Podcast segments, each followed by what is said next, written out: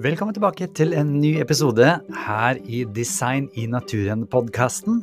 Jeg heter Chris Duve, og jeg vil bare minne deg på at du kan ta hele kurset her helt gratis med 38 forskjellige eh, informasjonsvideoer som da er lagd en podkast ut av, hvis du går inn på chrisduve.no og klikker deg inn på Design i naturen-kurset. Det finnes også et mindre kurs som heter Tre trosdyrkende fakta. Alt dette er altså gratis tilgjengelig. Men nå er det på tide med dagens episode. Vær så god.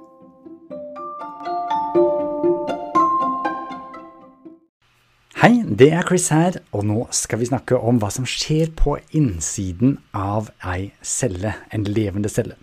Det fins et artig sitat fra Franklin Herald som sa i 2014 i 60 år har overgitte, høyt utdannede forskere brukt mye krefter og blekk på livets opprinnelse med merkverdig lite å vise frem.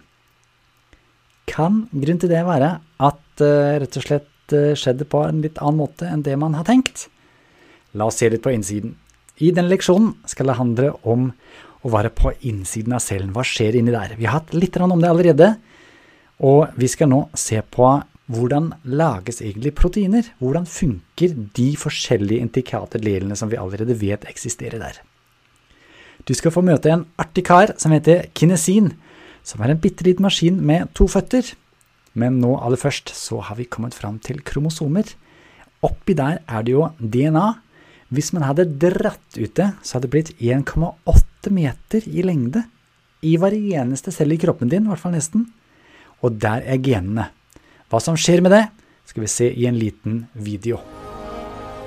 Ved hjelp av dataanimering kan vi trenge inn i cellen og se hvordan dette fantastiske systemet fungerer.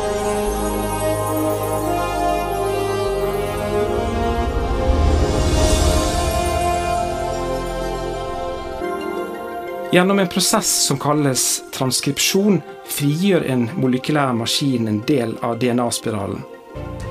En annen maskin kopierer så den informasjonen og skaper et molekyl som kalles budbringer-RNA.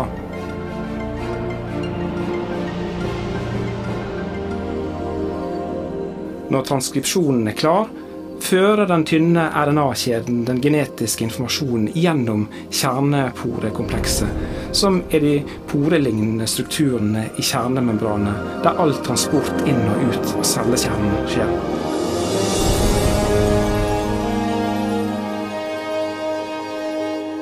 Budbringer-RNA-et føres deretter til en todelt partikkel i cellens cytoplasma som kalles ribosom. Når RNA-kjeden har festet seg, begynner avlesningsprosessen.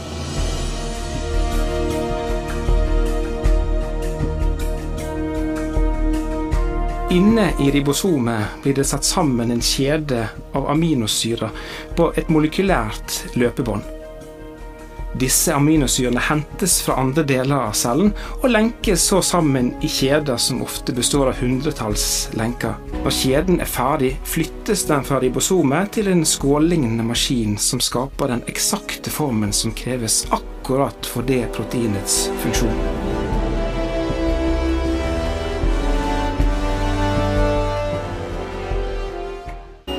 Når kjedet har vokst sammen til et protein, føres den av en annen molekylær maskin til det stedet der det trengs. Dette må styres, dette må ha feedback loops. altså Et eller annet sted så må du stoppe å kopiere, for ellers så blir det for mye. Så kommer det inn noen feil, der det er enzymer som leser feilene, plukker ut feilene, setter det sammen. La oss se på en nyere animasjon som ganske nylig er blitt uh, lagd her, for å se hvordan dette her ser ut litt mer i virkeligheten. Her ser vi cella fra utsiden, og dette er altså nucleus, dvs. Si den delen som på en måte inneholder hjernen. Og der er jo da genmaterialet, eller DNA, som det står her, gene library. Der sitter to enzymer som jobber seg langs kjeden for å kopiere DNA opp i RNA. Her ser du det en slik sluse som sluser inn og ut bare det som skal inn og ut. I denne animasjonen så ser du hvordan dine 1,8 åtte meter av DNA, som da er i hver eneste en av dine ti trillioner celler, kan pakke seg. Her blir det rulle sammen.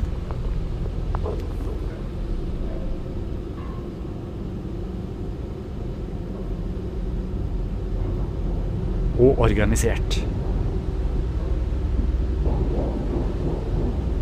Ellers er det ikke plass til disse gigabyte-mengder med informasjon. Og der har vi kromosomene, som er i cella. Og der ser du at det fortsatt er én celle som deler seg. Og der har det blitt to celler, som har dobla opp disse gigabytesene i løpet av veldig kort tid. Her ser du igjen maskinene som kopierer DNA-et. Det er reneste produksjonsløpebåndet, hvor det leses og det suser. Og hvis du tenker at det går veldig raskt, så er dette real time. Det er sånn det ser ut i virkeligheten. Hvis Darwin hadde sett dette her, så lurer jeg veldig på hva han hadde tenkt.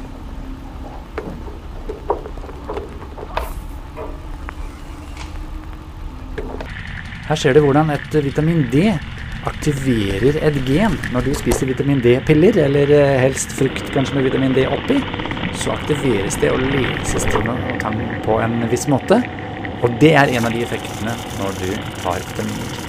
Her ser du hvordan DNA blir lest og blir kopiert ut i RNA, som da kan tas ut av nukleus, inn i ribosomer, for å til slutt lage protein.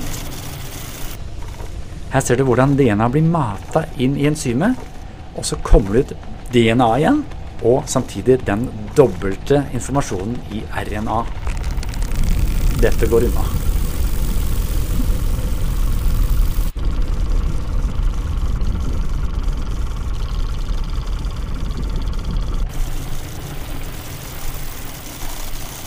Richard Dawkins han sier dette er jo ikke noe problem, for det har blitt til litt og litt. Small improvements are added bit by bit. Men det er veldig mange andre som ikke er eh, kreasjonister eller intelligent design-folk eller eh, troende kristne nødvendigvis, men som ser på dette her og sier hvis livet begynte uten hjelp i prehistoriske omgivelser i et naturlig system uten kunnskap, så skulle det være mulig, til og med lett, å skape liv i et laboratorium i dag. Men iherdige forsøk har feilet.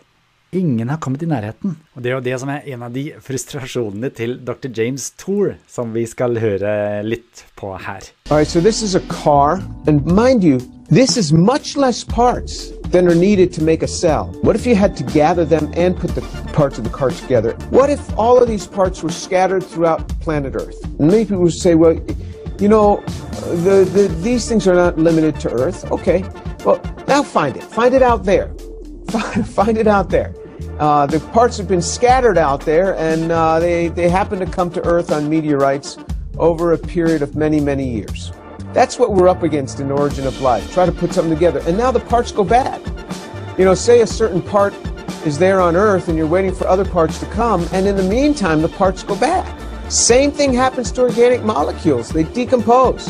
Molecules don't care about life. Organisms care about life, but chemistry, on the contrary, is utterly indifferent to life. Without biologically derived entity acting upon them, molecules have never been shown to evolve toward life. Never. Molecules don't evolve. They don't move toward life. They have no reason to move toward life. Og Det sier eh, Dr. James Tour, som virkelig vet hva han snakker om. For veldig mange har teorier, mens han bygger de greiene. Han prøver seg. Han bygger f.eks. sånne nanobiler, hvor du altså får plass til 50 000 biler på diameteren av et hårstrå.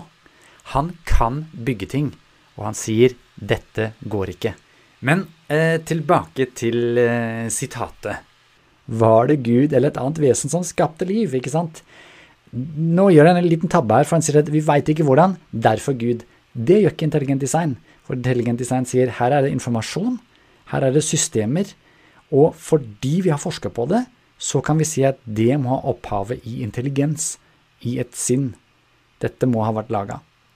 Så eh, la oss holde tunga litt rett i munnen når vi, når vi ser på dette her, men de foreslår altså sjøl at dette her går ikke opp. Husk den konferansen som var i 2016, f.eks. i England, og mange andre bøker og uttalelser som du kan se i det sitatlenka som jeg la igjen i forrige leksjon. Der står det 'Vi vet ikke hvordan dette foregikk, fordi systemene vi har, ikke får til dette her'. Og nå skal du møte kinesin, en tobeint liten maskin som er en slags eh, transportrobot inne i cella. Vær så god, professor doktor Steinar Thorvaldsen. Kroppen vår er en kontinuerlig byggeplass.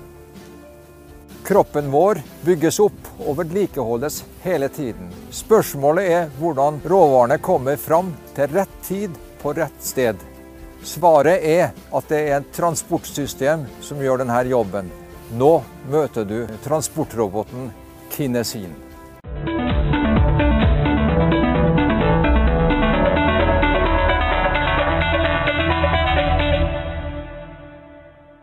Cellen er en kontinuerlig byggeplass. Spørsmålet er hvordan i all verden alle disse varene finner veien til destinasjonen på innsiden av cellene dine. Vi trenger et transportsystem. Her møter vi frakteroboten Kinesin på innsiden av dine celler, som regnes som en av robotteknologiens mesterverker. Den er i prinsippet en robot, en arbeidshest som frakter varer fra sted til sted i cellen. Den vandrer langs autonomt selvbyggende motorveier kalt mikrotubuli. Kinesin har to føtter som drives av cellens energivaluta ATP. Arbeidshesten er villig til å frakte varer som er flere ganger sin egen størrelse. Se for deg en varebil i India som er overlesset i flere etasjer på lasteplanet og langt over lasteplanet. Den tar 100 skritt og beveger seg 8 nanometer. Den beveger seg med en hastighet relativt til den størrelse like fort som biler på våre motorveier. Det er verdt å merke seg at kinesin omformer drivstoffet til bevegelse fire ganger mer effektivt enn din bensindrevne bil.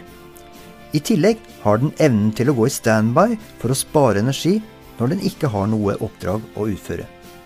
Kinesin er et eksempel på naturens vidundermaskineri.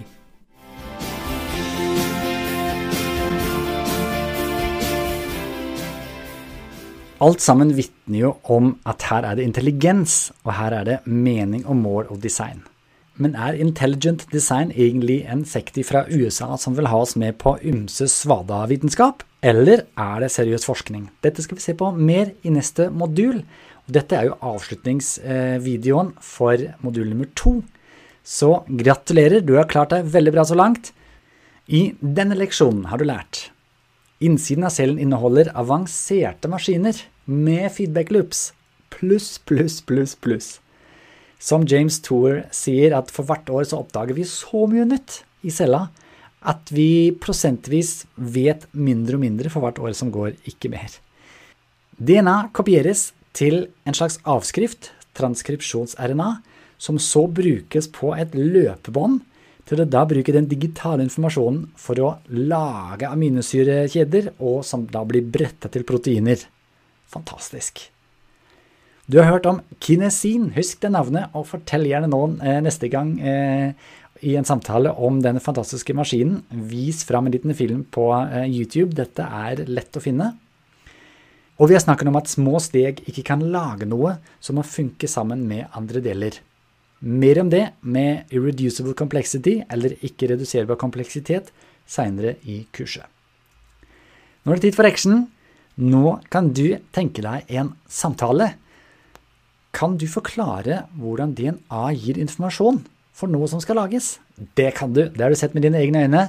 Fortell om den prosessen. Kan du nevne én maskin inni cellene og forklare hva den gjør? Kan du forklare hvorfor gradvis evolusjon ikke kan lage slike maskiner? Og finnes det noen alternative teorier? Veldig mye mer om det også i neste modul. Men nå kan du sette i gang. Du kan gjerne skrive ut oppgavearket og ta det skriftlig, eller i en samtale. Dette klarer du. Nei, men jeg er helt, eh, jeg er helt satt ut. Eller sånn At de har klart å fange opp det som faktisk skjer. Altså Tenk at alt dette skjer inni meg nå, og at alt er så finjustert, og samtidig så liksom jevnt og systematisk og Nei. Så det er mange ting der som vi utforsker nå. Igjen så er ikke jeg er ikke imot evolusjon, Nei, men vi må tenke kritisk og tenke hva kan den få til, og hva ikke. rett og slett. Det er lov å tenke på. Yes. Det fins eh, alternativt eh, en alternativ teori Mm. som heter intelligent design. Mm. Det er temaet i neste modul. Det er på en måte, du vet, eh, på slutten av den konferansen som de hadde i England, som du har hørt om, Yes. hvor de skulle evaluere. Kan evolusjon få dette her? Nei, vi har egentlig ingen svar. Så er det faktisk én veldig god måte å tenke på, som sier at det som står bak, er intelligens. Her har vi informasjon. Dette må bli satt sammen på et vis. Men er det vitenskapelig? Det skal vi oppdage mer om i neste modul. Spennende.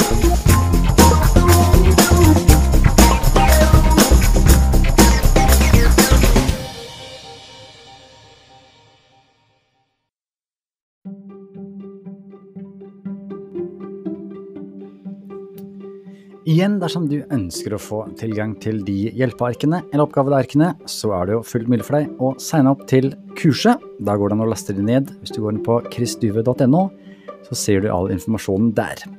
Dersom du ønsker å støtte denne podkasten og annet arbeid som jeg holder på med, kan du også lese mer om det på chrisduve.no. Takk for nå.